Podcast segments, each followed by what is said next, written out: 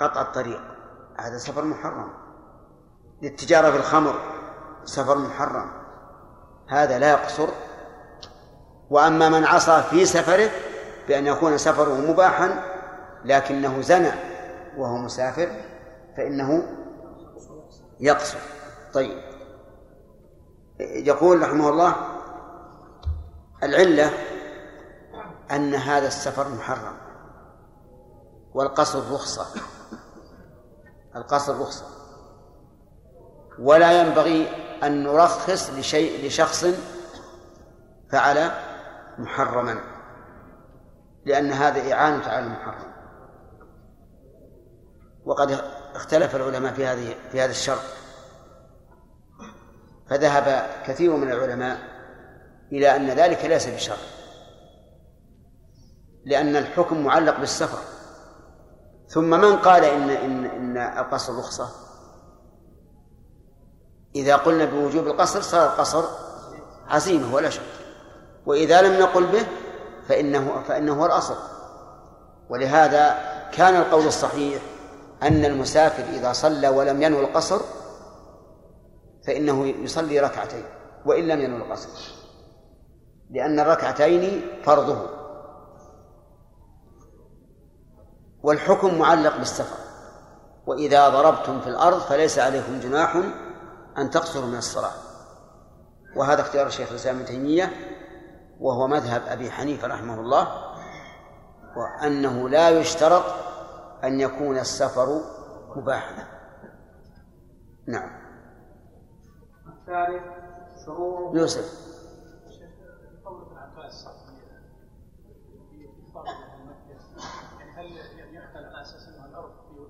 إي نعم.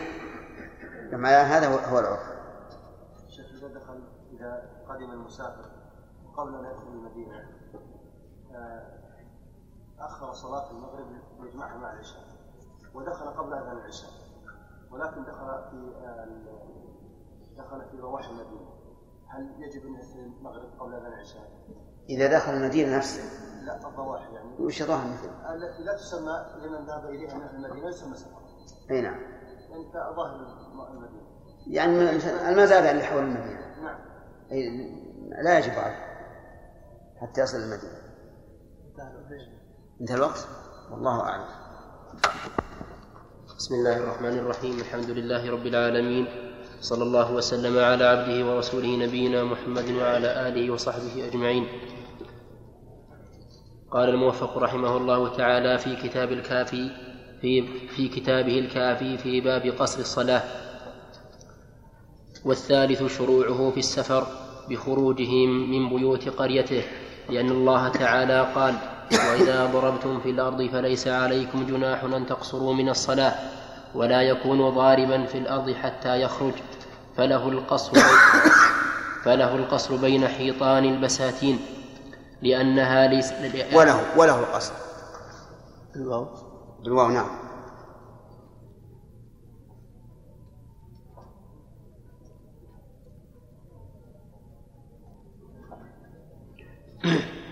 وله القصر بين حيطان البساتين لأنها ليست من حيطان البلد ولا تبنى للسكنى وإن خرب بعض البلد فصار فضاء فهو كالصحراء وإن كانت حيطانه قائمة وإن كانت حيطانه قائمة فقال القاضي لا يقصر حتى يفارقها لأنه يمكن السكنى فيها. وقال القاضي الآمدي له القصر بين له القصر بينهما.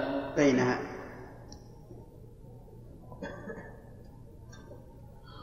له القصر بينها لأنها غير معتمدة للسكنى غير غير معتمدة. معدة.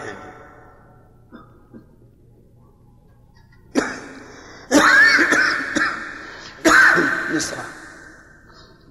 أي نعم. له القصر بينها لأنها غير معتمدة للسكنى فيها فهي كالبساتين.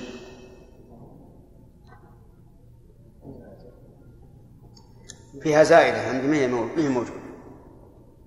لكن لا بأس ما هنا ها؟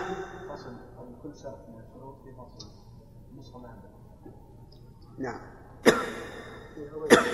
نعم. فهي. للسكنى عندكم فيها وهي ما عندي. لا فهي كيف؟ هي لكن عندكم فيها. هو قرأ للسكنى فيها. ما في ما في؟ ما في فهم ما فيها فيها؟ طيب. لأن النسخة واحدة.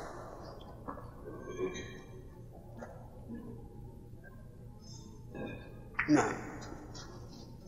الرابع. أن ينوي القصر مع نية الإحرام؟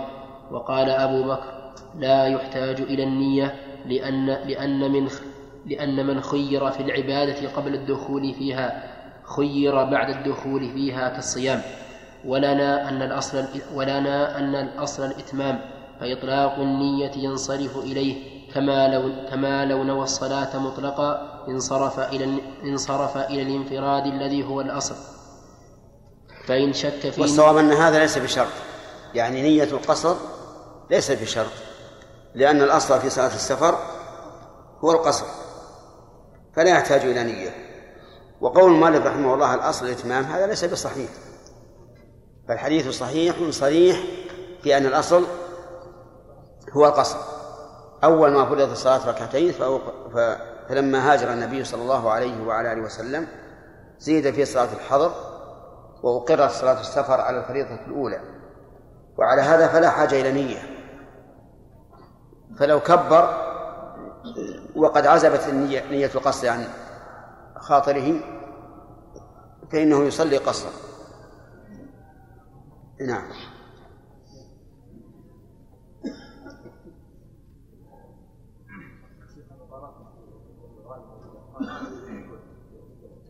نعم.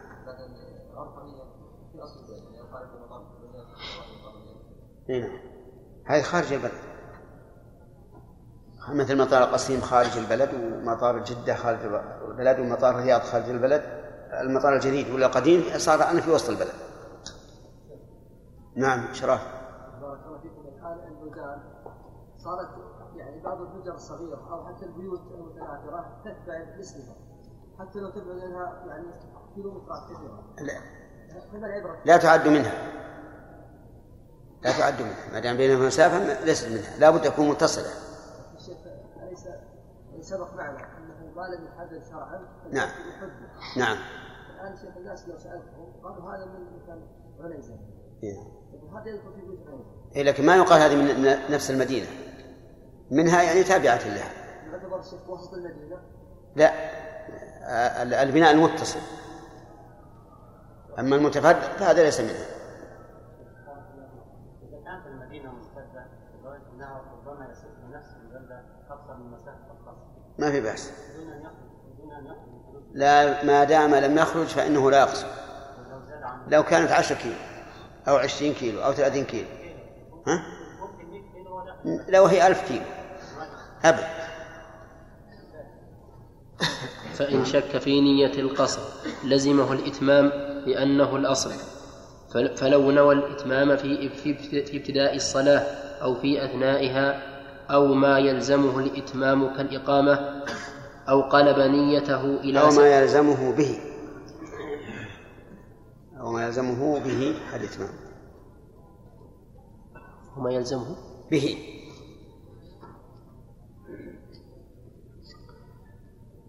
أو ما يلزمه به الإتمام كالإقامة أو قلب نيته إلى سف إلى سفر قصير أو معصية لزمه إتمام الصلاة ولزم من خلفه متابعته. لأن نية الأربع أو ما يوجبها قد وجد فلز فلزمته الأربع كما لو نواه في الابتداء. نعم. ومن قصر ومن قصر معتقدا تحريم القصر فصلاته فاسدة. لأنه فعل ما يعتقد تحريمه. صحيح. ولأنه متلاعب. كيف يقصر وهو يعتقد أن القصر حرام؟ الخامس ألا تكون الصلاة وهذه لا تقع إلا مثلا لو أن الإنسان أقام في بلد. أقام في بلد أكثر من أربعة أيام وكان يرى أن من نوى إقامة أربعة أيام فإنه يقصر ومن زاد فلا يقصر. فنوى إقامة خمسة أيام ولكنه قصر وهو يعتقد أنه حرام. فصلاته غير صحيحة لأنه متلاعب. كان مستعذرا ما قصر في الصلاة هل صلاته فاسدة ولا لا؟ يعني صلاته هذه سبق الكلام عليه سبق. وفي غيبته نعم فهد. ها؟ إيش؟ وقوله فلو نوى الإفراد من الصلاة في هل يكون تردد أو لا؟ ما تردد. عزم عزم. عزم على الإتمام. عزم. أولا يريد القصر ثم نوى الإتمام في أثناء الصلاة. إذا خرج من بلده إلى المطار وخرج من عامل بلده. فإن له- رخص في السفر ولكن الحجز في المطار انتظار. نعم. هل يطير أو لا؟ نعم. هل يترخص؟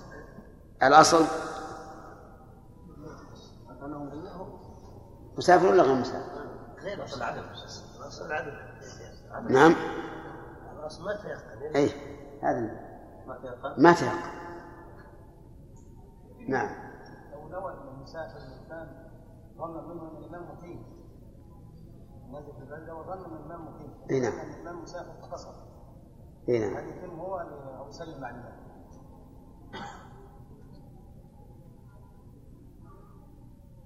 الظاهر في هذه الحال وجوب الإتمام عليه. إي نعم. لكن في مثل هذا لا ينوي الإتمام. ينوي صلاة الظهر فقط. ثم إن أتم إمامه أتم معه وإن لم يتم. ها؟ كيف؟ يعني هو مسافر هو الغالب إذا نزل إذا نزل في بلد ناخذ ناخذ بالظاهر. الظاهر أن مساجد البلد كلها إتمام. نعم.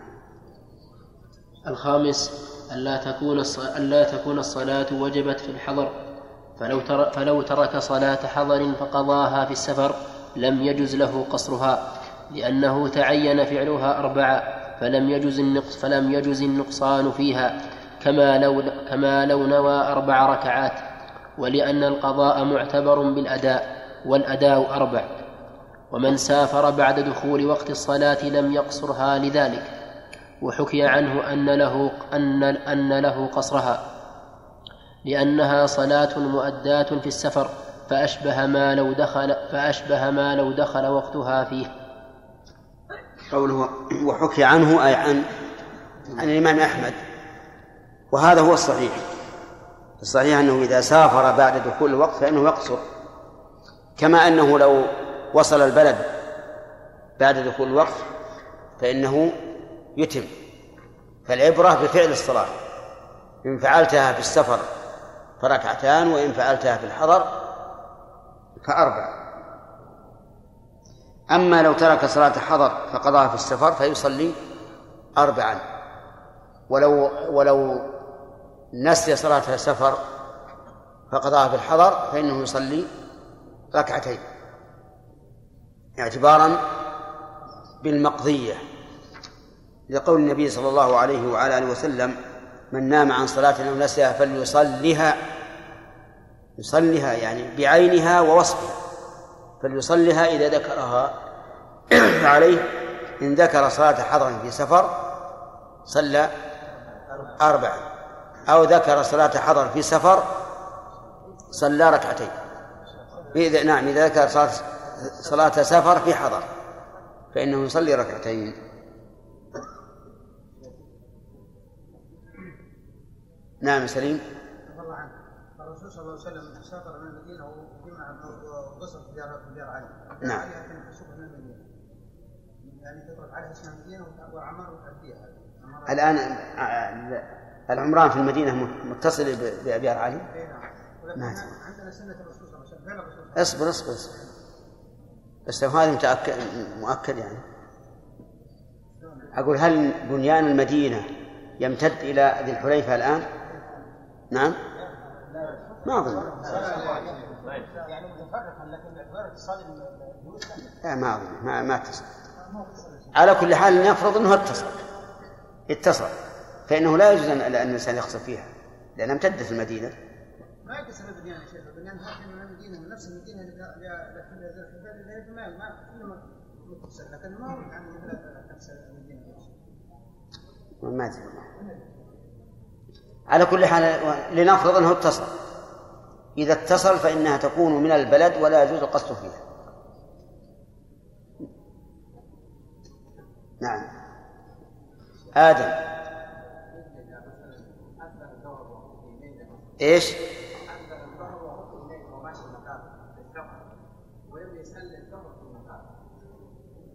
يصلي ركعتين.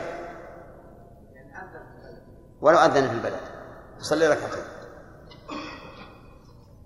ولو أحرم بها في سفينة في الحضر فخرجت به في أثناء الصلاة أو أحرم بها في السفر فدخلت البلد في أثناء الصلاة لم يقصر لأنها عبادة تختلف بالسفر والحضر ووجد أحد طرفيها في الحضر فغلب حكمه كالمسح.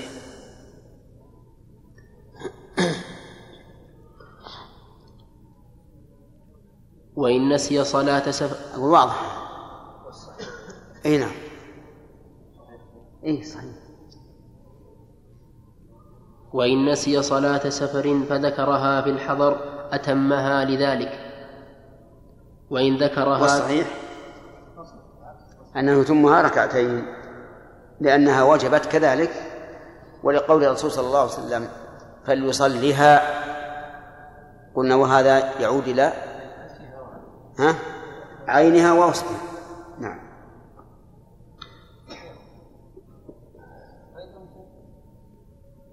نعم. وإن ذكرها في السفر أو في سفر آخر قصر لأن وجوب لأن وجوبها وفعلها وجد في السفر. وجدا بالألف. لأن وجوبها وفعلها وجدا في السفر وكان له قصرها فكان. فكان. لأن وجوبها وفعلها وجدا في السفر فكان له قصرها كما لو أداها ويتخرج أن يلزمه أن يلزمه إتمامها إذا ذكرها في سفر آخر لأن الوجوب ك... لأن الوجوب كان ثابتا في ذمته. أعد أعد أعد. فكان له قصرها كما لو فكان له قصرها كما لو أداها. ويتخرج أن يلزمه إتمامها إذا ذكرها في سفر في سفر آخر. لأن الوجوب كان ثابتا في ذمته في الحضر. هذا تخريج ضعيف. لأنه كان بالحضر ناسيا لها. نعم لو ذكرها في الحضر ولكن تهاون ولم يصلها إلا في السفر لكان على القول بأنه يلزمه الإتمام إذا ذكرها في الحضر متخرجا. أما إذا كان قد بقي على نسيانه ففي هذا التخريج نظر نظر ظاهر. نعم. السادس ألا يأتم بمقيم فإن ائتم بمقيم لزمه الإتمام سواء ائتم به في الصلاة كلها أو جزء منها لأن ابن عباس سئل ما بال المسافر يصلي ركعتين حال الانفراد وأربعا إذا ائتم بمقيم؟ فقال تلك السنة. رواه الإمام أحمد. وهذا ينصرف إلى سنة النبي صلى الله عليه وسلم. ولأنها صلاة مردودة من أربع فلا يصليها خلف من أربع إلى ركعتين. من أربع إلى ركعتين.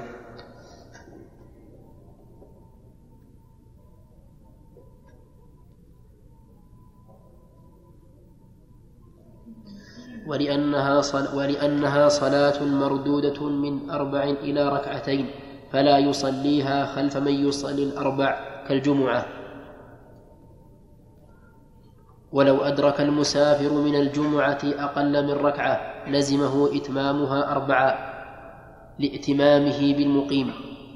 ومن ائتم بالمقيم ومن ائتم بالمقيم. وهذا ينصرف إلى سنة النبي صلى الله عليه وعلى آله وسلم ولأنها صلاة مردودة من أربع إلى ركعتين. هذا من الغلط الواضح لأنها لم ترد من أربع إلى ركعتين وإنما زيدت الركعتان فصارت أربع. فلا يصليها خلف من يصلي الأربع كالجمعة. قياس غريب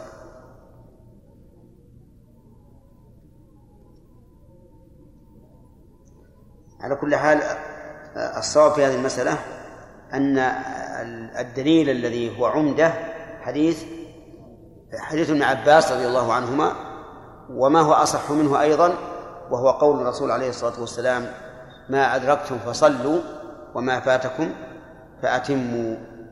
فقول ما أدركتم فصلوا يعم كل الأربع إذا أدركها. وما فاتكم فأتموا يعم قضاء ما فاته من الأربع فالصواب أنه يجب عليه الإتمام سواء أدرك الصلاة من أولها أو من أثنائها. حتى لو أدركه في الركعة الثالثة وصلى معه ركعتين فإنه لا يسلم معه. بل يجب أن يأتي بالركعتين اللتين فاتت. نعم. المسجد دخل المسجد وهو مسافر والإمام الذي يتم هو الصلاة العصر كيف؟ أعد أعد. دخل المسجد في جماعة نصف الليل ساقط الليل صلاة الذي ساقط ساقط الليل جماعة يعني تمت الصلاة. قد صلى. انتهى الصلاة دخل من صلاة. العصر ثم أتى رجل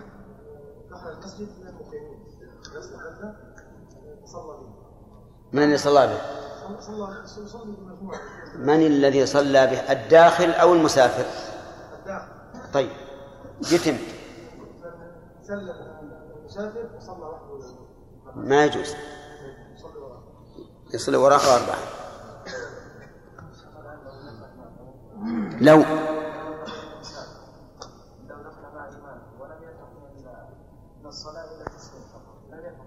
نعم. يجب عليه الإتمام ما أدركتم فصلوا وما فاتكم فأتموا. إلا أدرك التشهد.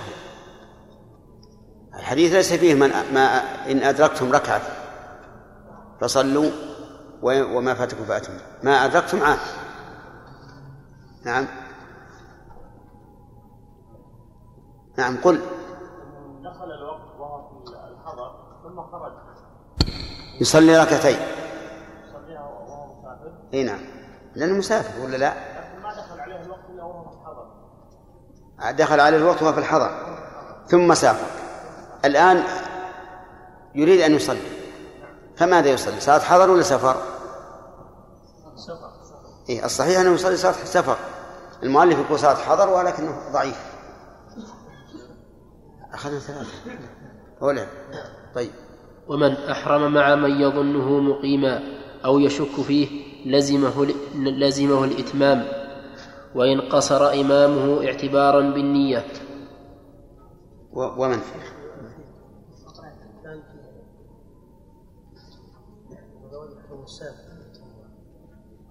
كالجمعة خلف من يصلي الظهر وإن أدرك المسافر من الجمعة وإن أدرك المسافر.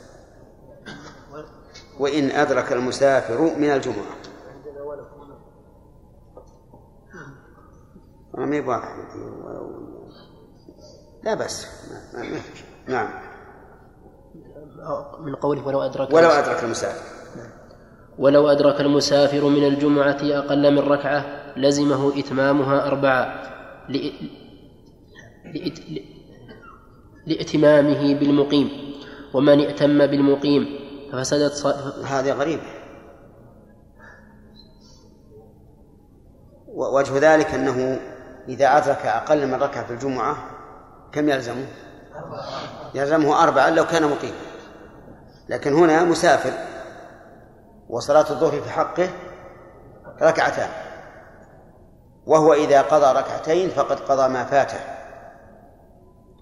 فيدخل في عموم قوله وما وما فاتكم فأتموا الصواب أنه لازمه إلا إلا ركعتان لأنه لم يخالف الإمام. نعم. مو واضح تصوير المسألة؟ رجل نعم. الفرق بينها وبين وبين من ائتم بمقيم يصلي الظهر أن المقيم الذي يصلي الظهر كم صلى؟ صلى أربعة. والذي يصلي الجمعة كم صلى؟ ركعتين. فقول الرسول ما أدركتم فصلوا وما فاتكم فأتموا يقال هذا أتم. أتم ما فاته ركعتان. فلم يخالف إمامه على هيئة الإمام لم يخالف.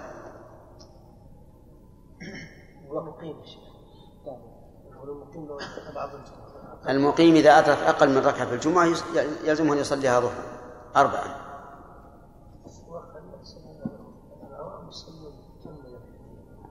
ركعتين فقط؟ لا نبهوهم. يجب أن تنبهوه يعني قولا واحدا أو أو نصف قول إن شئت. لا لا لا ما في قول. ما في قول. من أدرك ركعة من الصلاة فقد أدرك الصلاة. والجمعة متفق عليها. أي نعم. هو أدرك جزءا من الركعة فإن أي لكن صارت الآن ما- أدرك الجمعة. وإذا لم يدرك الجمعة صار واجب عليه أن يصلي ظهرا. والفرق بين مسألتنا هذه وما وما تذكر أن هذه إنما وجب عليها الظهر ركعتين نعم؟ لا ينوي جمعة نعم، لأنه لو نوى ظهرا لفاتته لفاته أجر الجمعة نعم إيش؟ نعم كيف لا تقع؟ اذا تمام ان ينوي جمعه فليتمها اربعه ما أدرك أقل من ركعة. إذا أدرك أقل من ركعة فاتته الجمعة نعم. انتهى الوقت. انتهى الوقت. خلاص. في في أثرين. يا شيخ. في- نعم. في أثرين. في أثرين؟ في الدرس القادم. ها؟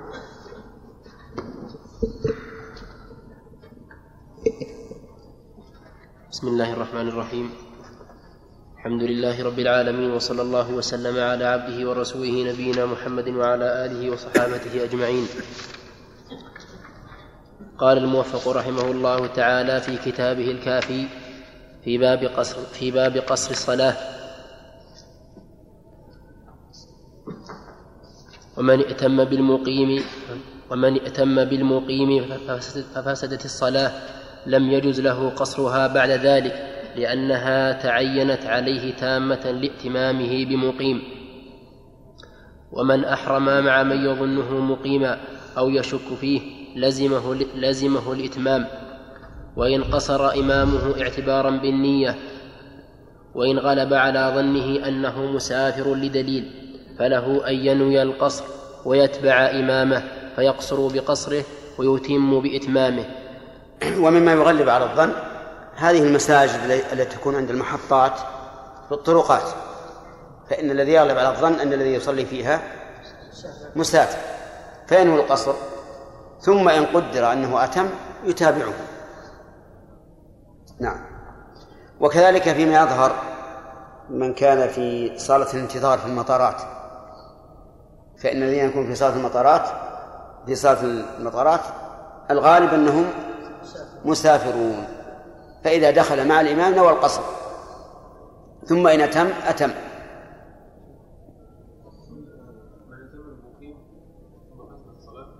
نعم. يلزمه الإتمام.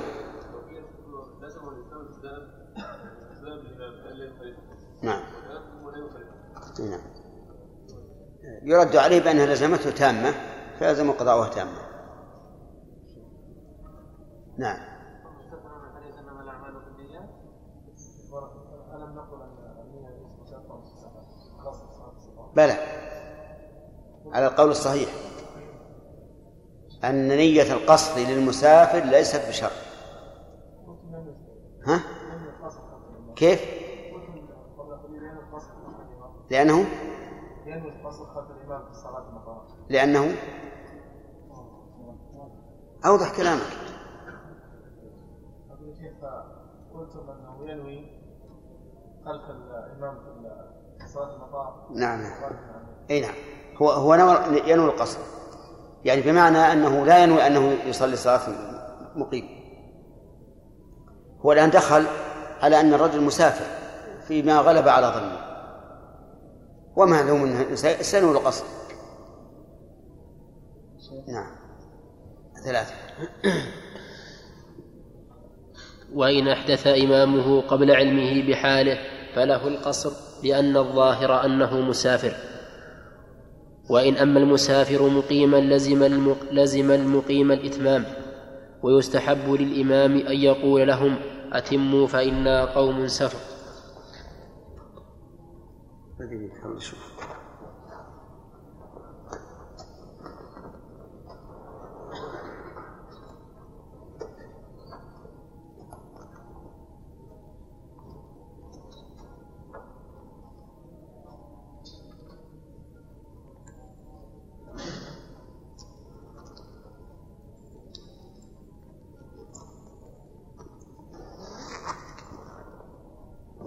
تمت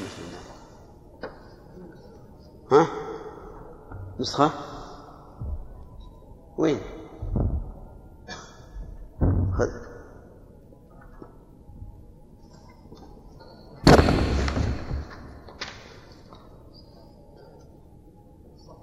مئة وتسعة وتسعين أول الصفحة. طيب.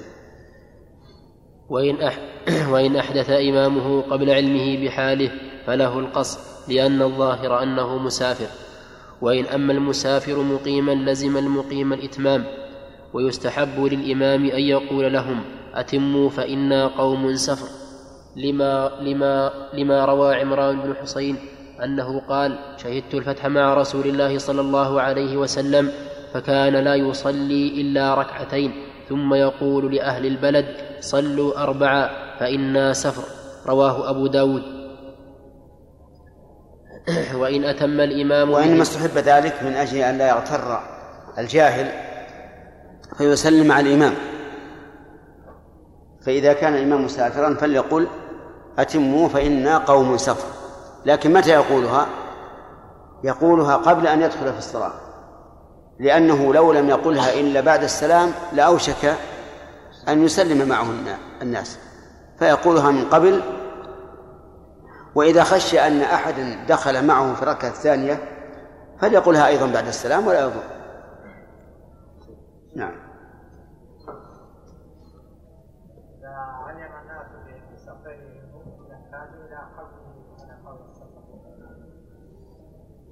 إذا علموا بسفره وعلموا بالحكم والعلم بالحكم لا لا لا يتأتى العلم به.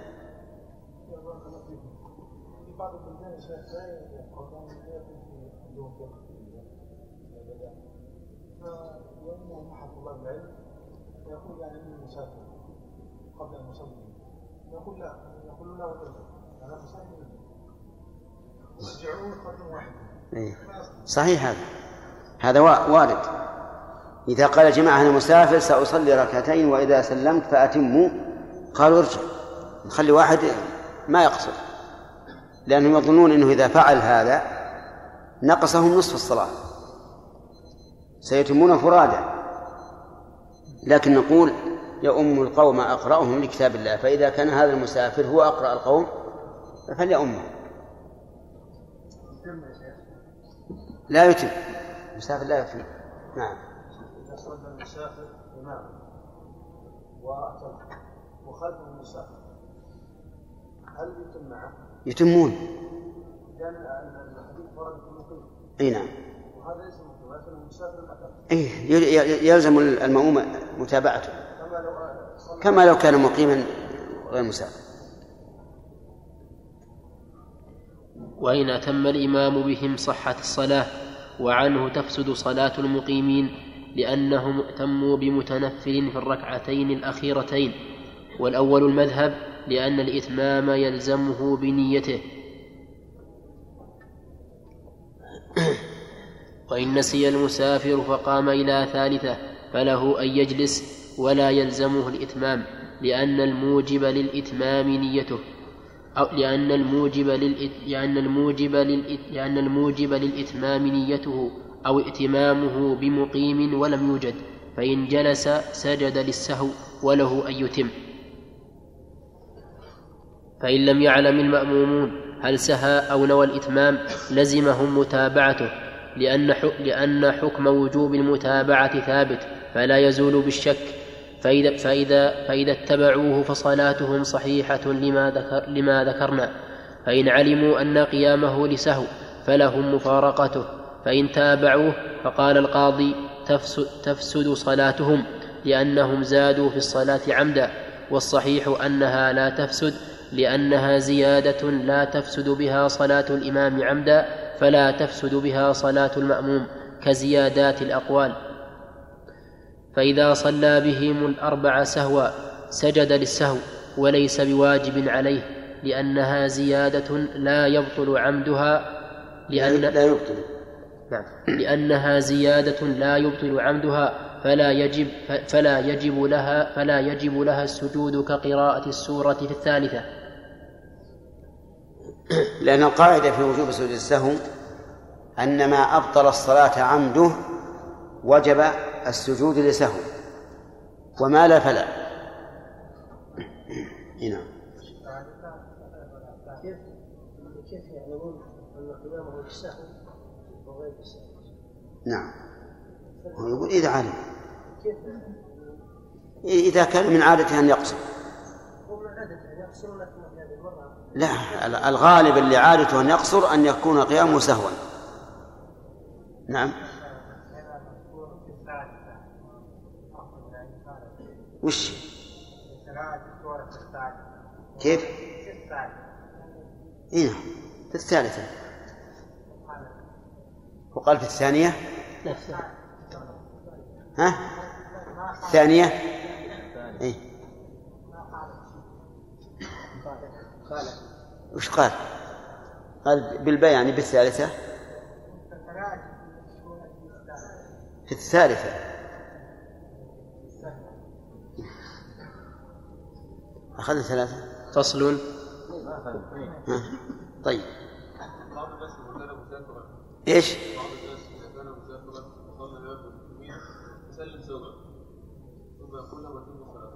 اي غلط. هذا غلط. لم ترد به السنة. فصل وللمسافر أن يقصر وله أن يتم. لقول الله تعالى فليس عليكم جناح أن تقصروا من الصلاة. فمفهومه أن القصر رخصة أن القصر رخصة يجوز تركها. وعن عائشة أنها قالت خرجت مع رسول الله صلى الله عليه وسلم في عمرة رمضان فأفطر وصمت وقصر وأتممت.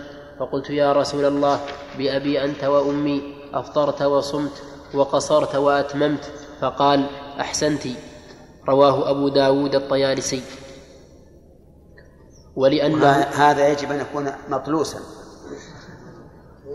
هذا حديث باطل لا شك. أولا أنه لم لم يعتمر النبي صلى الله عليه وسلم في رمضان قط.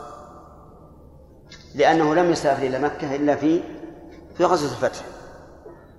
وبالاتفاق أنه لم يعتمر. الثاني كيف تفعل أم المؤمنين عائشة؟ هذه المخالفة الرسول يقصر وهي تتم ويفطر وهي تصوم ثم تقولها للرسول صلى الله عليه وسلم ثم يقول أحسنت. هذا واضح بطلان ولهذا يعتبر هذا الحديث من الأحاديث الموضوعة. نعم. إيش؟ إيه لا. لا لا غير صحيح. يمكنها غير صحيح ولكنها سقطت غير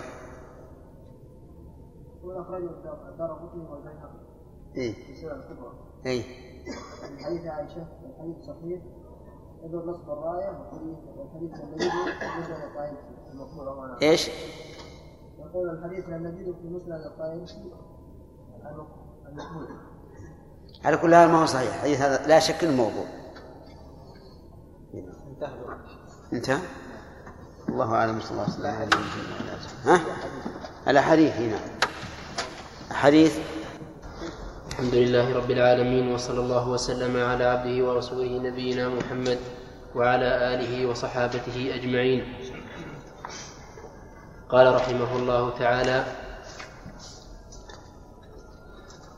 فصل يا شيخ. من يتكلم؟ يتكلمون زمان الخير يطلعون برا عشان ما يشوشون علينا.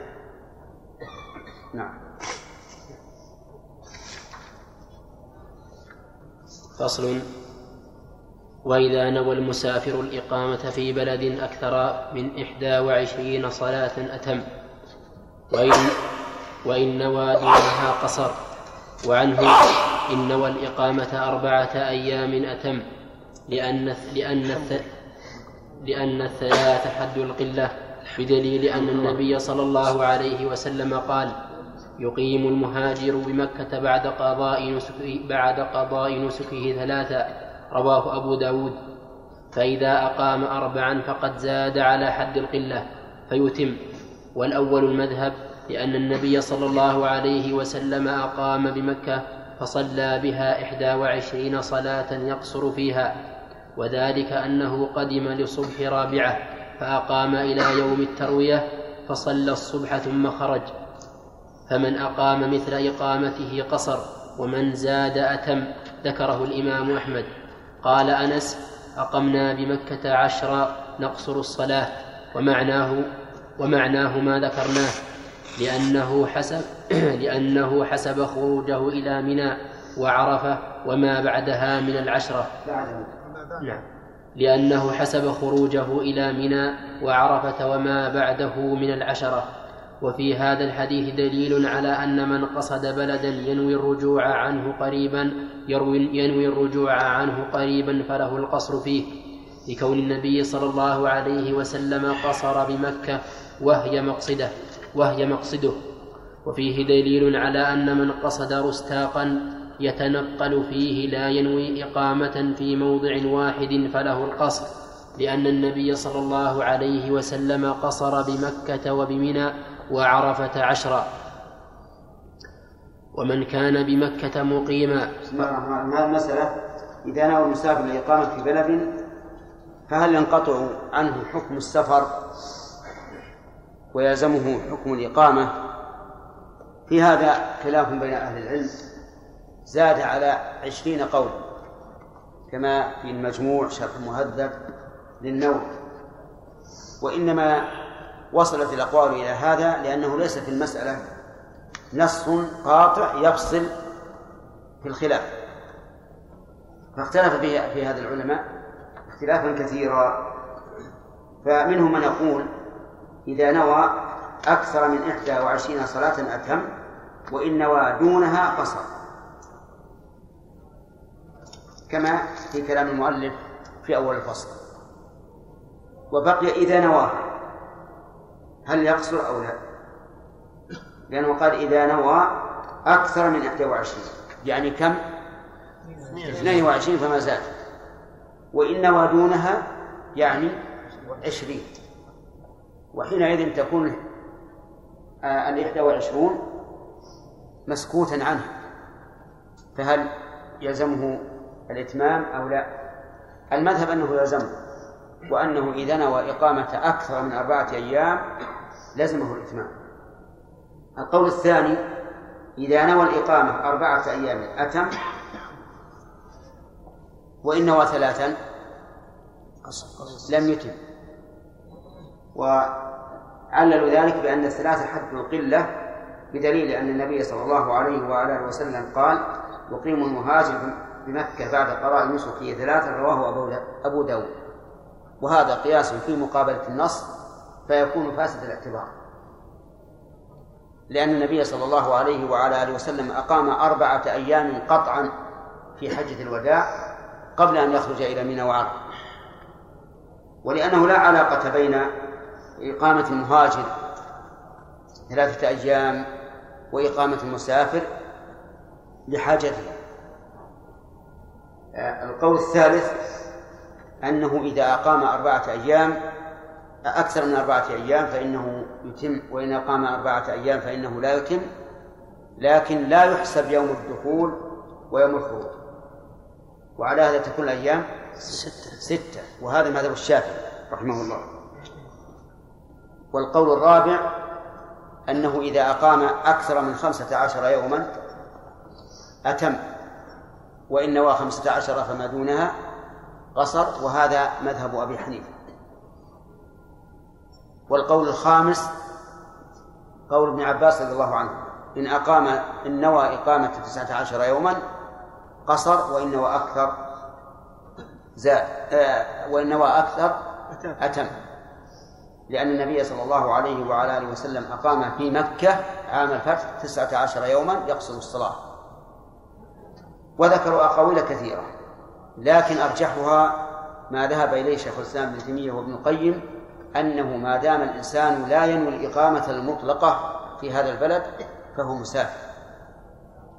فإذا أقام ينتظر حاجة متى انتهت عاد إلى بلده فهو مسافر.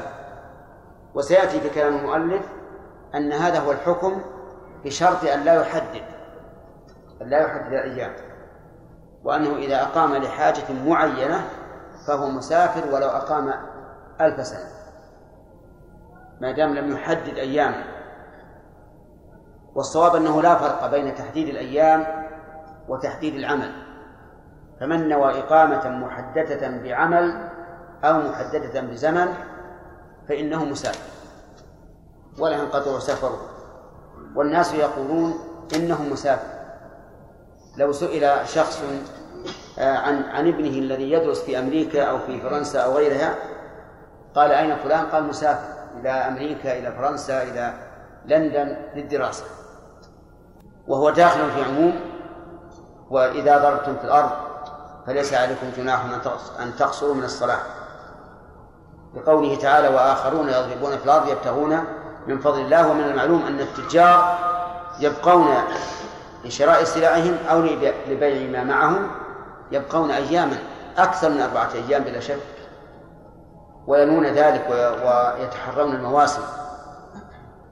ولنا في ذلك ورقات كتبناها جوابا لسؤال ورد علينا من أمريكا وهو أظن قبل حوالي عشر سنوات أو تسع سنوات.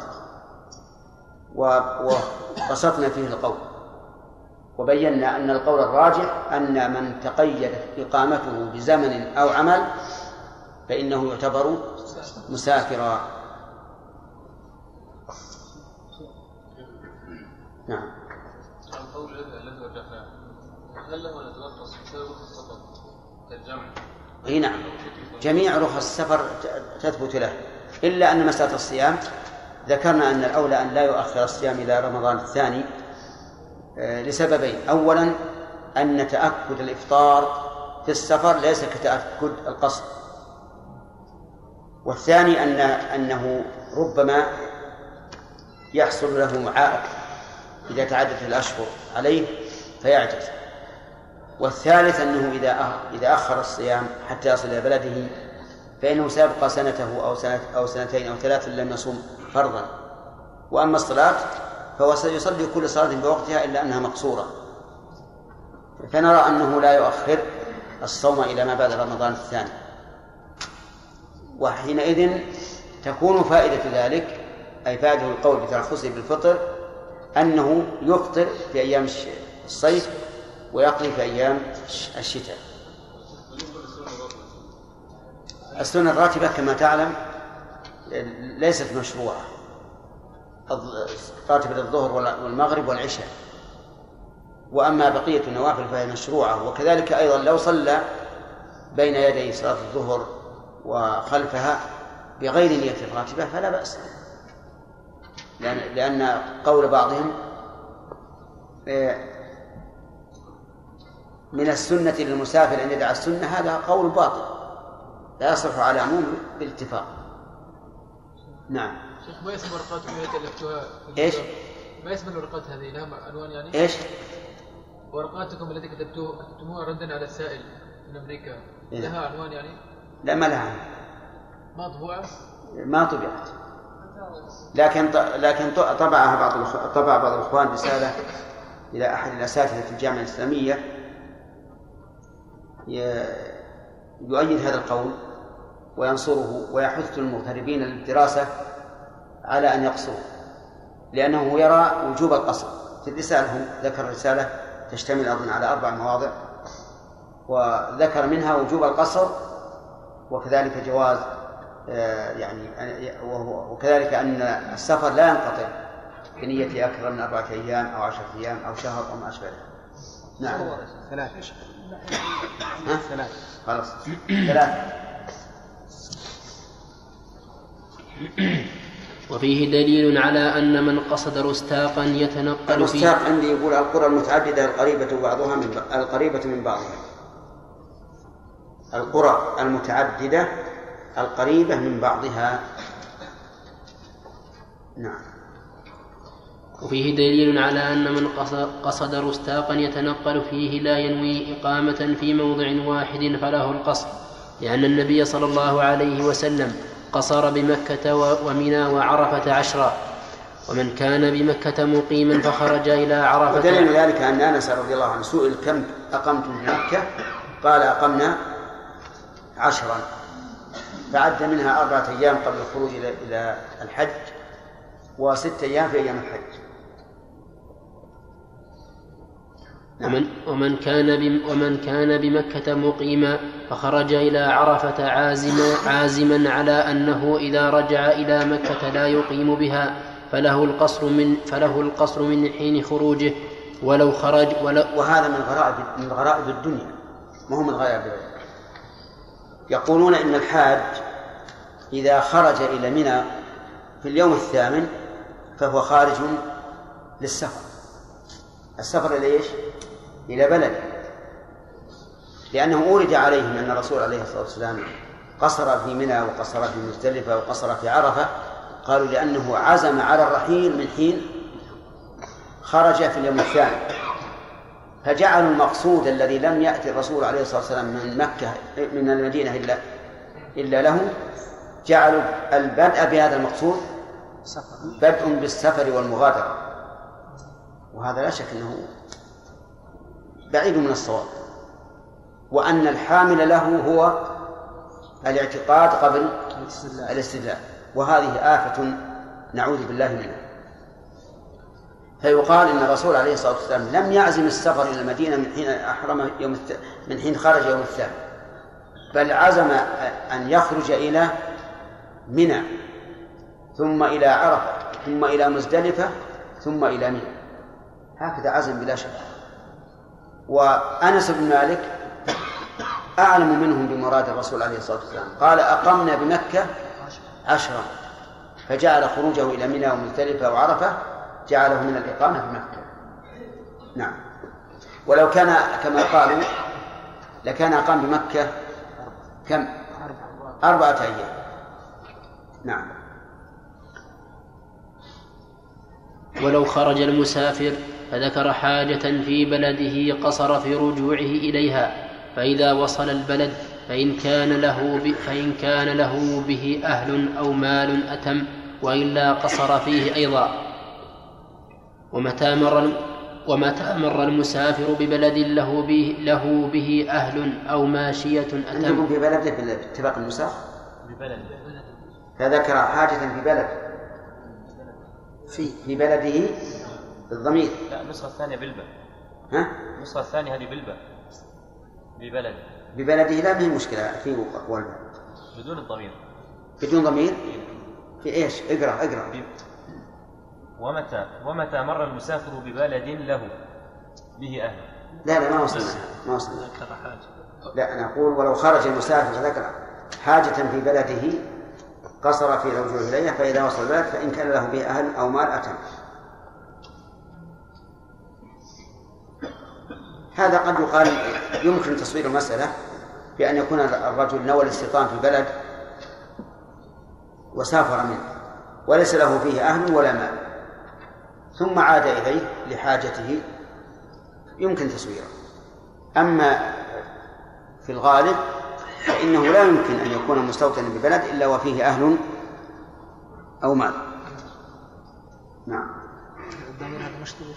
نعم. في بلده؟ لا لا حتى نشوف الخطية. نعم؟ أي نعم. أقول نشوف الخطية. ومتى مر المسافر ببلد له به أهل أو ماشية أتم؟ لأن ذلك يروى عن عثمان وابن عباس. ومتى ومتى لم يجمع على إقامة ونعم ومن لم يجمع على إقامة إحدى وعشرين على إقامة ومن, ومن لم يجمع على إقامة إحدى وعشرين صلاة قصر. وإن أقام دهرا. يجمع معناه يعزم. لأن الإجماع في اللغة العزم والاتفاق. والمراد به هنا نعم. العزم. ومنه قوله تعالى فأجمعوا أمركم أي اعزموه. نعم. ومن لم يجمع على فأجمعوا أمركم. وش بعد؟ وشركاء. أعربها شرف. وشركاء. شيخ الواو المعية لا. خالد. آه، الواو عاطف نعم. وشركاء معطوف على أمر. أجمعوا أمركم. وأجمعوا شركاء. يعني يعزموا شركاء. فهل ها؟ الواو وش إعرابها؟ لا. نعم شيخ. لو عاطفة وشركاء مفردين لفعل محذوف تقديره أجمعوا. أجمعوا. وأجمعوا واجمعوا. شركاء. صحيح. هي مع الواو حرف عطف وهو من باب عطف الجمل على الجمل. فتكون شركاء منصوبة بفعل محذوف تقديره. إيش؟ واجمعوا. واجمعوا شركاء. نعم. شيخ أليس الأصل عدم التقدير؟ ما ما يتم المعنى ما يصح المعنى المعية شيخ قد يكون ما يصح. حتى مع ولو المعنى أجمعوا أمركم مع شركائكم. لا لا ما يصح. الكاف مجرورة. في الإضافة ما يصح ومن لم يجمع على إقامة إحدى وعشرين صلاة قصر وإن أقام دهرا مثل من يقيم لحاجة يرجو إنجازها مثل من يقيم لحاجة يرجو إنجازها أو جهاد أو حبس سلطان أو عدو أو مرض سواء غلب على ظنه كثرة ذلك أو قلته. لأن النبي صلى الله عليه وسلم حتى لو غلب على ظنه أنه لا ينتهي به إلا بشهر أو شهرين أو سنة أو سنتين فإنه يقصر لأنه لم يعزم على هذه الإقامة. نعم. لأن النبي صلى الله عليه وسلم أقام في بعض أسفاره تسع عشرة, لي تسع, عش تسع عشرة يقصر الصلاة. رواه البخاري. وأقام بتو... أي سفر هذا؟ نعم. عام الفتح. وأقام, بتو... وأقام... وأقام بتبوك عشرين يوما يقصر رواه الإمام أحمد. وأقام وأقام ابن عمر ب... ب... وأقام ابن عمر بأذربيجان ستة أشهر يصلي ركعتين. وقد حال الثلج بينه وبين الدخول. وإن قال وإن قال لقيت عمر أقام ستة أشهر. هل نوى أن يقيم ستة أشهر؟ لا. كم يقيم؟ على حسب ما ينتهي. طيب وهل الثلج يذوب في أربعة أيام؟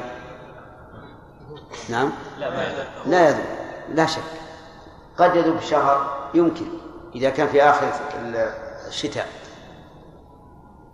وإن كان في أول الشتاء فإنه لا تزيده الأيام إلا برود إلا برودة وثلجا ولهذا كان حديث ابن عمر مما استدل به شيخ الإسلام رحمه الله ابن القيم على أنه ما دام الإنسان لم يعزم إقامة إقامة تامة فإنه يقصر ولو ولو نوى إقامة مقيدة بزمن أو بعمل.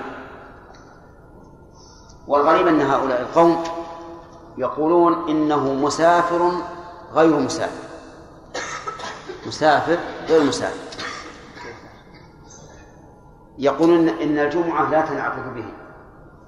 يعني إذا قلنا بأنه لابد من أربعين رجلا ووجدنا رجلا أو وجدنا عشرة من الطلاب مقيمين في هذا البلد إلى أربع سنين مثلا أو خمس يقولون لا يكمل بهم عدد الجمعة.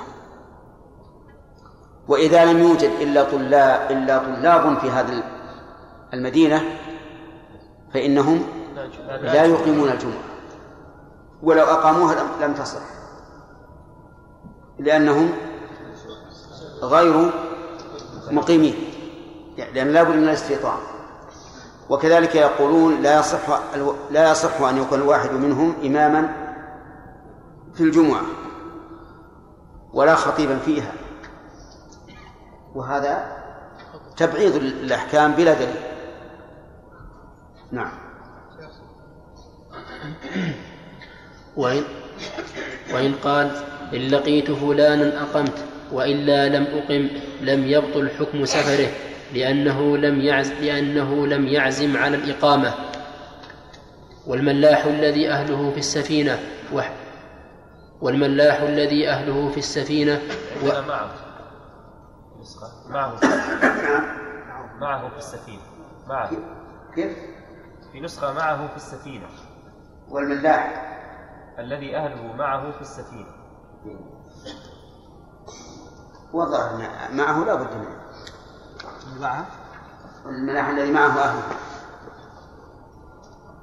نضعها ولا ننتظر النسخ لأن هي يصح والملاح الذي أهله في السفينة لأن أل هذه العهد يعني في السفينة التي هو ملاحها لا سفينة أخرى.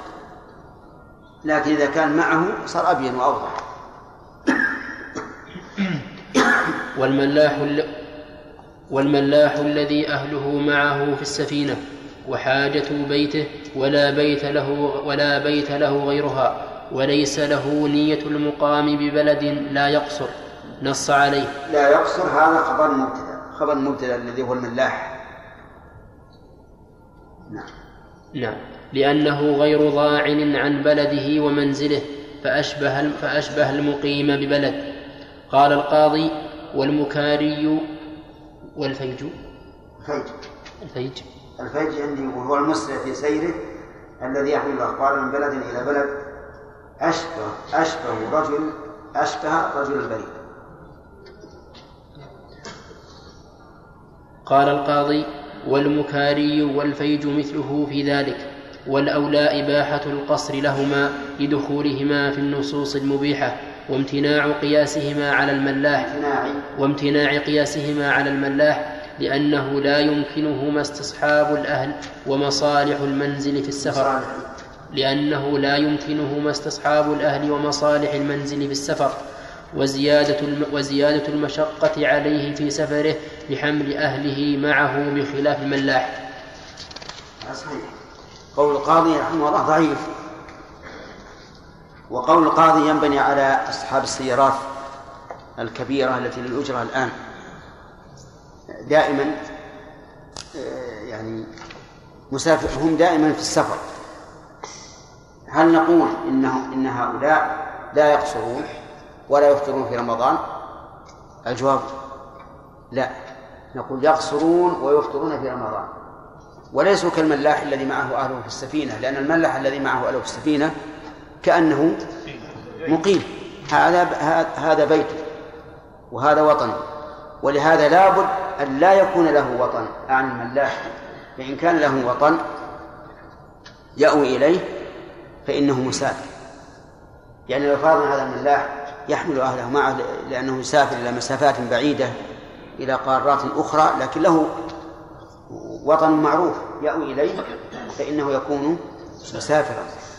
أما الملاح الذي ليس له أهل ولا وطن إلا هذا البحر ووطنه البحر وبيته السفينة. هذا نقول إنه مقيم نعم. لما ظهرت الضمة في قوله كيف؟ لماذا ظهرت الضمة على الياء في لفظ المكاري؟ لأنه سددها وهي غير مسددة. الصواب أنها منقوصة.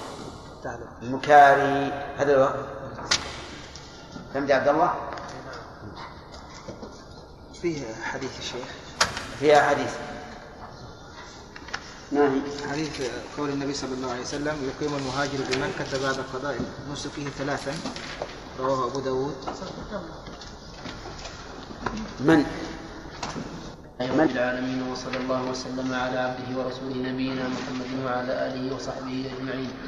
قال الإمام أبو محمد رحمه الله تعالى في كتابه الكافي باب الجمع بين الصلاتين وأسباب الجمع ثلاثة أحدها السفر المبيح أولا يجب أن نعلم أن الجمع لا يجوز إلا لسبب لأن الله تعالى يقول إن الصلاة كانت على المؤمنين كتابا موقوتا. وبين النبي صلى الله عليه وسلم هذه الأوقات وفصلها تفصيلا تاما. فلا يجوز أن نخرج صلاة عن وقتها ولا أن نقدمها على وقتها إلا بدليل من الشرع. وليس في الشرع ما يدل على جواز الجمع مطلقا بل لا يجوز الجمع إلا لسبب يقتضيه. إما أن يكون في عدمه فوات مصلحة أو شيء من الحرج. والمشقة. فالجمع لأجل المطر لأنه يلزم منه فوات مصلحة وهي الجماعة.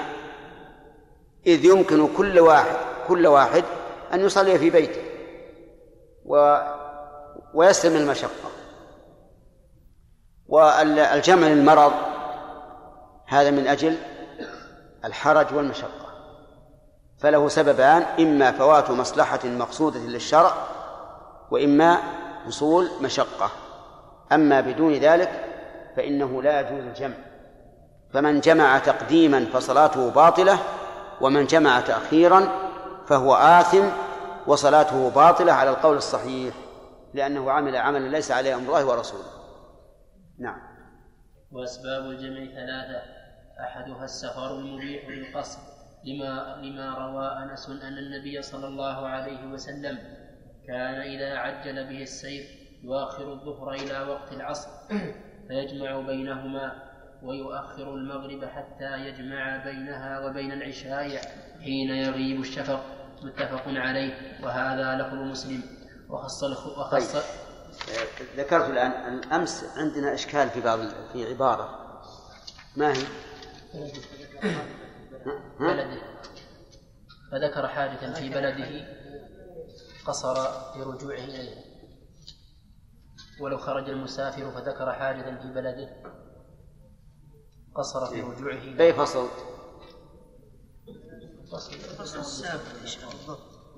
فصل ومن لم يجمع على إقامة؟ وإذا لو واحد يا جماعة واحد. عندي عبد الرحمن يكفي. قبل بسطرين. يلا يا. نعم. قبله بسط- بسطرين أو ثلاثة. ولو خرج المسافر فذكر حاجة في بلده. نعم. عندكم بلده؟ نعم. هي عندي كذلك قصر في رجوعه إليها فإذا وصل البلد فإن كان له به أهل إلى آخره. اتفقت النسخ.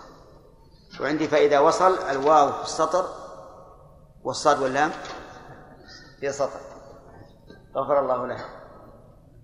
نعم.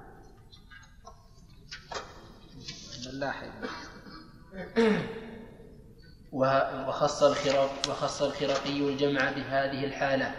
بهذه الحالة إذا ارتحل قبل دخول وقت الأولى أخرها حتى يجمع مع الثانية في يجمعها. نعم، حتى يجمعها مع الثانية في وقت الثانية. وروى نحوه عن أحمد. روي. وروي نحوه عن أحمد.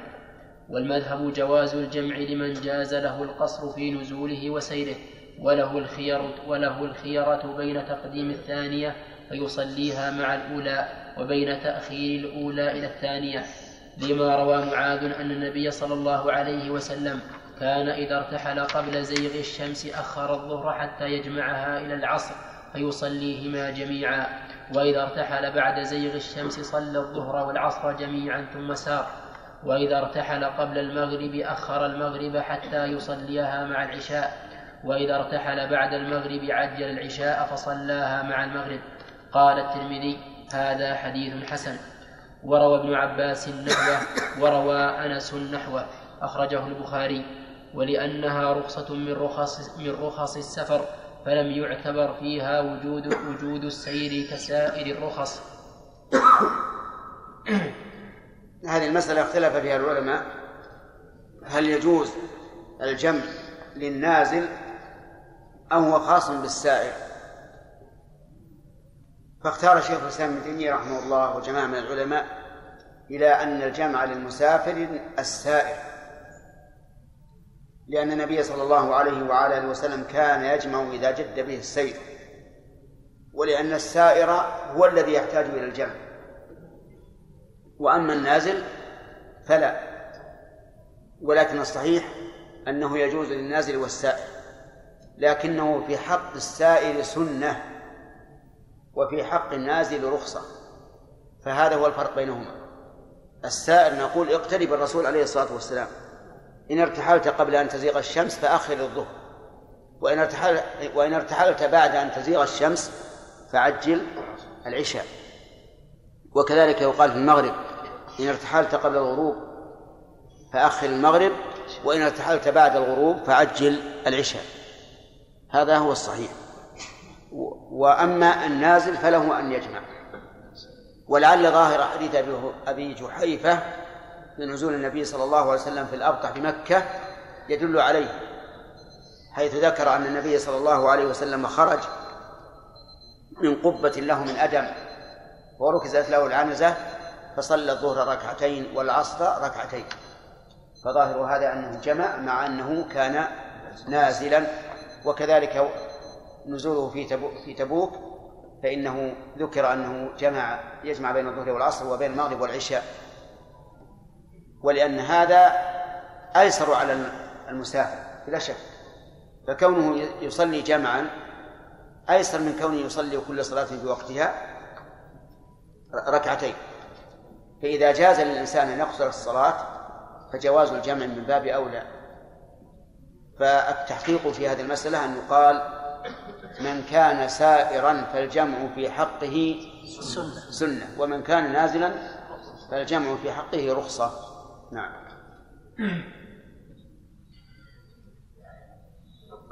فإن جمع فإن جمع بينهما في وقت الأولى اعتبر ثلاثة شروط. أن ينوي الجمع عند الإحرام بال... عند الإحرام بالأولى. لأنها نية تفتقر إليها. يفتقر يفتقر. يفتقر إليها. بالياء. يفتقر.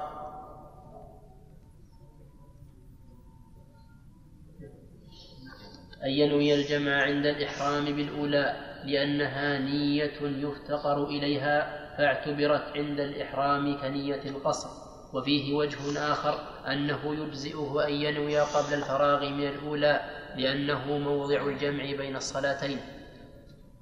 فإذا لم تتأخر فإذا لم تتأخر فإذا لم تتأخر النية عنه جاز. وقال أبو بكر لا يحتاج لا يحتاج الجمع إلى نية كقوله في القصر وقد مضى الكلام معه. والصواب قول أبي بكر أنه لا يحتاج الجمع إلى نية. وكذلك القصر لا يحتاج إلى نية. أما القصر فقد سبق الكلام فيه وبينا أنه هو الأصل في صلاة المسافر وما كان الأصل فإنه لا يحتاج إلى نية. وأما الجمع فكذلك لأنه إذا وجد سببه صار الوقت أعني وقت الصلاتين وقتا واحدا فلا حاجة إلى النية. الشرط الثاني ألا نعم. يف... شيخ بارك الله فيكم ذكرنا أن القول الراجح في الجمع أنه لا يجوز إلا لسبب نعم. ف- فكيف نرد على بعض الناس الذين يحتجون بحديث آه، النبي صلى الله عليه وسلم جمع من غير عذر ولا مطر؟ في المدينة. إي نعم. يقول إنه هذا دليل هو يقول ان هذا دليل نعم. على ان أن الجمع جائز مطلق فكيف نرد عليه؟ كيف نرد على من قال من صلى فالويل له لقول الله تعالى فويل للمصلين. ما يصح. يقول كم من الآية؟ يقول كم من حديث ابن عباس؟ يرفع الحرج قالوا ما أراد إلى ذلك يقول ابن عباس. قال أراد أن لا يحرج أمته. وهذا وا- واضح أن العلة هو الحرج. فإذا انتفى الحرج فالواجب أن أن تصلى كل صلاة بوقتها. ثم نقول تتبع المتشابهات منهج أهل الزيغ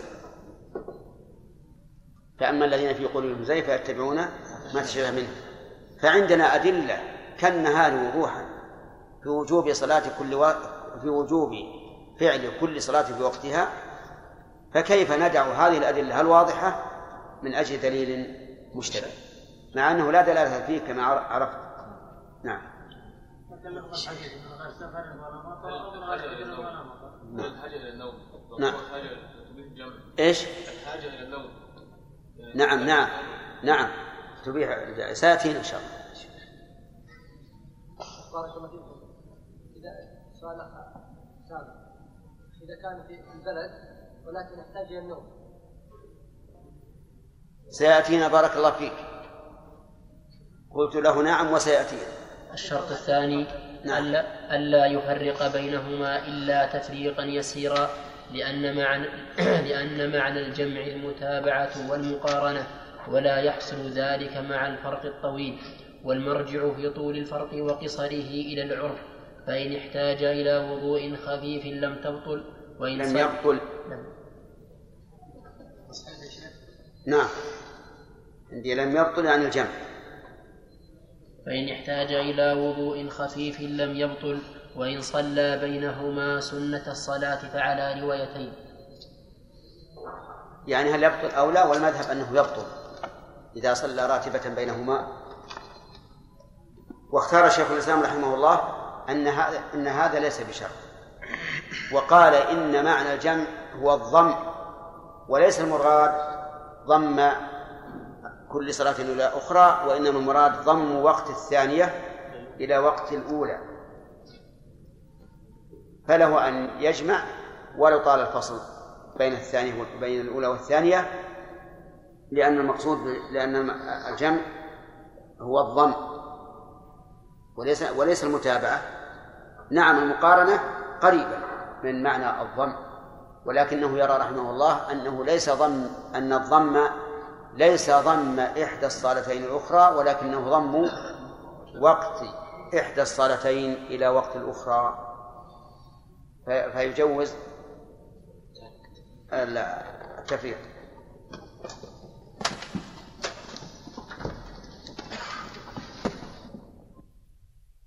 يصل إليه يعني خلاص هو غزاه وحاصر البلد وانتهينا.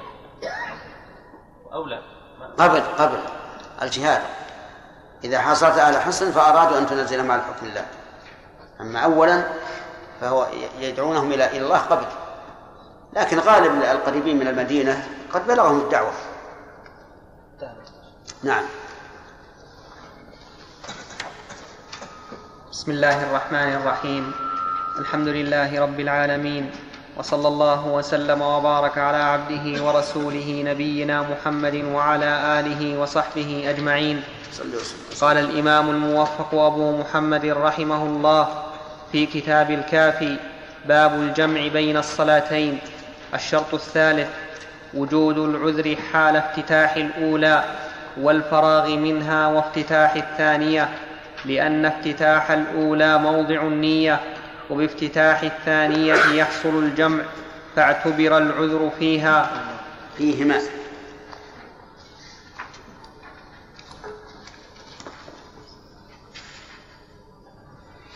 فاعتبر العذر فيهما. فإن انقطع العذر في غير هذه المواضع لم يؤثر وإن جمع في وقت الثانية اعتبر أن ينوي التأخير للجمع في وقت الأولى. جمع في وقت الثانية. اللي عندي الواو في سطر والقاف والتاء في سطر.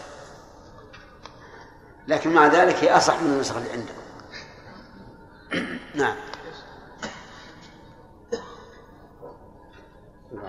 نعم إلى أن يبقى منه قدر فعلها واستمرار العذر إلى وقت الثانية ولا يعتبر وجوده في وقت الثانية لأنها صارت في غير وقتها وقد, جو وقد جوز له التأخير ولا يعتبر المواصلة لا بين تعتبر.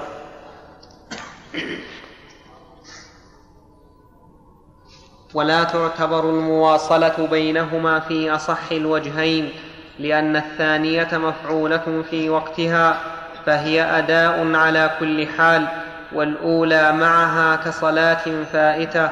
اصبر لأن؟ لأن؟ لأن الثانية مفعولة في وقتها فهي أداء على كل حال والأولى معها كصلاة فائتة. يقول رحمه الله الثالث الشرط الثالث وجود العذر في موضعين حال افتتاح الأولى والفراغ منها وحال افتتاح الثانية في ثلاث مواضع عند افتتاح الأولى وعند الفراغ منها وعند افتتاح الثانية.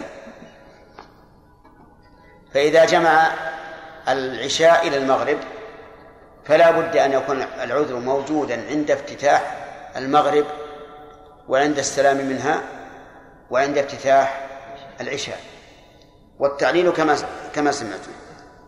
أما كونه يشترط عند افتتاح الأولى فلأن فلأنه لا بد للجمع من النية. وإذا لم يكن السبب موجودا عند افتتاحها فكيف ينوي الجمع؟ وأما افتتاح الثانية فلأنه هو الذي يحصل به الجمع. فاعتبرت النية فيه فاعتبر وجود العذر فيه. والصحيح أن ذلك ليس بشرط وأنه متى وجد العذر عند افتتاح الثانية جاز الجمع.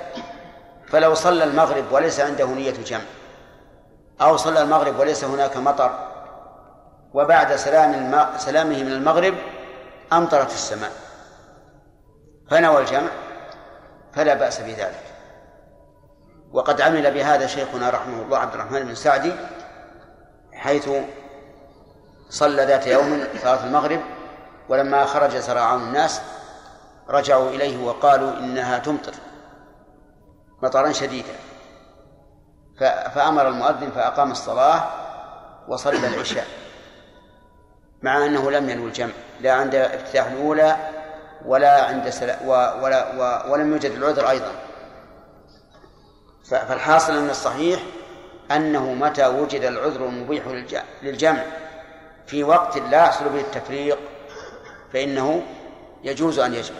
بل قال بعض العلماء حتى لو لو لم يوجد الجمع العذر إلا بعد وقت طويل من سلامه من الأولى فله أن يجمع.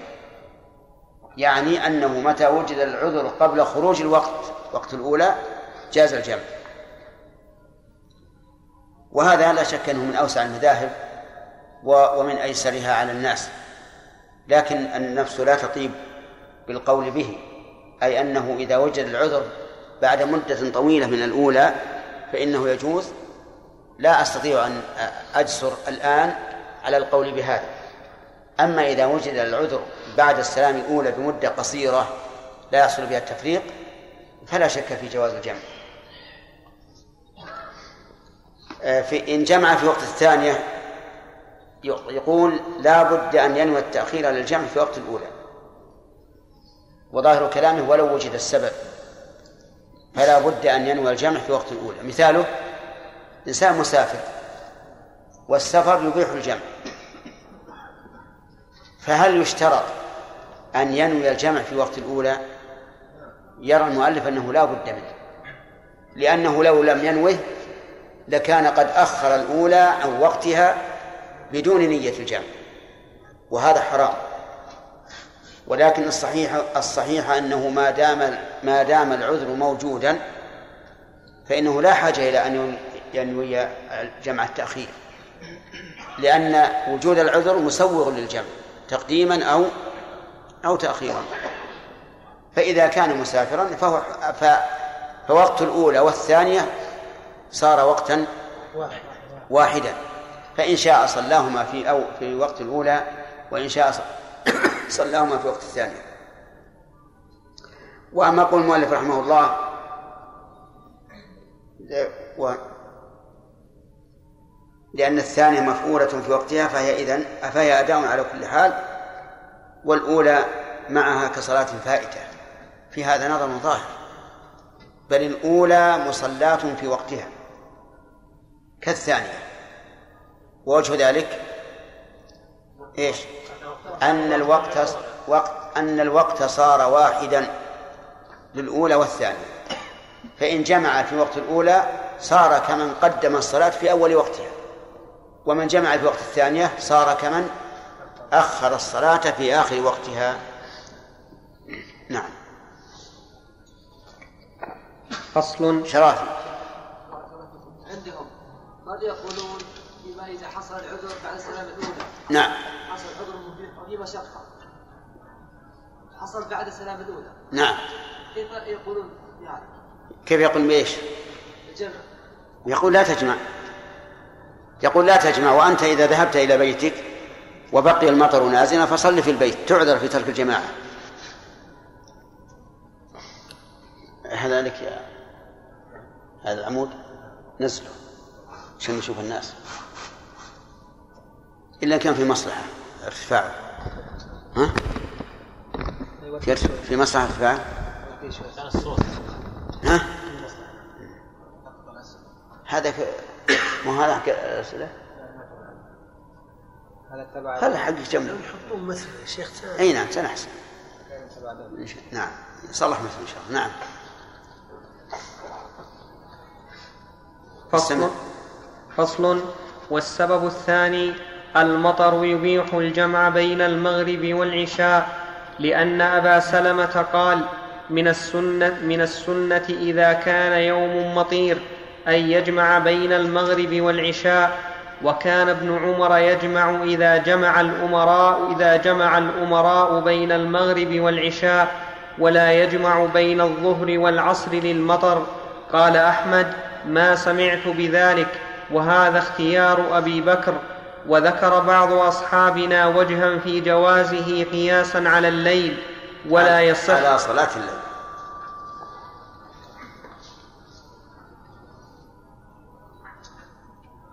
وذكر بعض أصحابنا وجها في جوازه قياسا على صلاة الليل ولا يصح لأن المشقة في المطر إنما تعظم في الليل لظلمته فلا يقاس عليه غيره.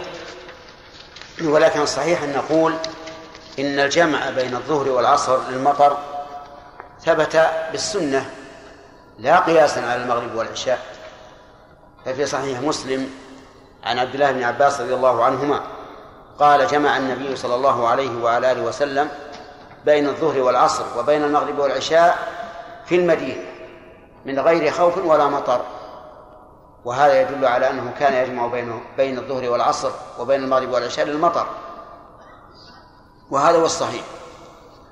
وقوله إنه لا مشقة إلا مع الظلمة يقتضي أنه في عصرنا الحاضر الآن. إيش؟ لا جمع ولا بين المغرب والعشاء. لأن الإضاءة موجودة. ويقتضي أيضا أنه في أيام البيض لا يجمع بين المغرب والعشاء. لوجود الإضاءة. وإن كان ليس كإضاءة الشمس ولكن العلة هي المشقة. فإذا وجدت المشقة بين الظهرين أو بين العشاءين ثبت الحكم وهو الجمع. نعم. والمطر المبيح للجمع هو الذي يبل الثياب وتلحق المشقة بالخروج فيه.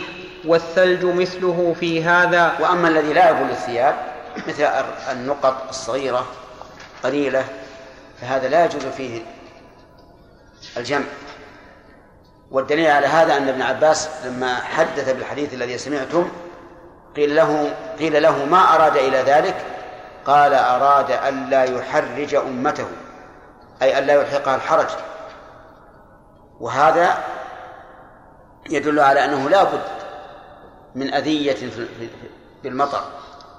والمطر النقط اليسيرة لا تبل الثياب لا سيما في أيام الصيف أو مع الهواء. فلا بد من أن تكون أن أن تبل الثياب.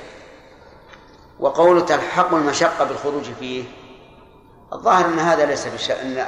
أنه يترجح يترجح أنه ليس بشرط لأن بلل الثياب سوف يكون فيه مشقة وأذى ولا سيما في أيام الشتاء.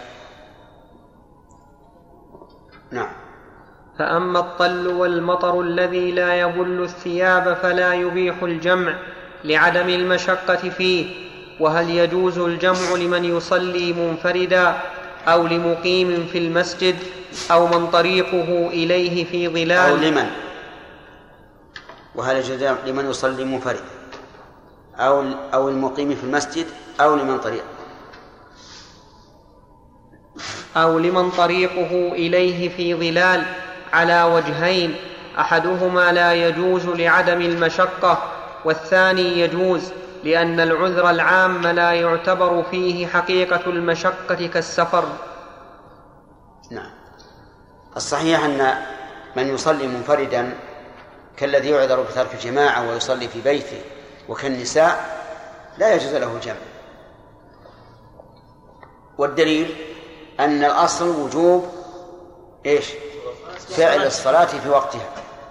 فإذا لم يوجد سبب يبيح إخراجها عن وقتها فإنه لا يجوز العدول عن الأصل. فمن صلى في بيته لعذر أو كان ليس من أهل حضور الجماعة فإنه لا يجمع. وفي جواز الجمع مع الرخصة في أن يصلي الإنسان في بيته دليل على أهمية الجماعة. دليل على أهمية الجماعة وأنه يجوز الجمع لتحصيل الجماعة. وقلت ذلك ليترتب عليه ما يلي. لو كنا جمعا وسنتفرق قبل خروج قبل دخول وقت الثانية فهل لنا أن نصلي جماعة جمعا؟ نعم. الظاهر نعم.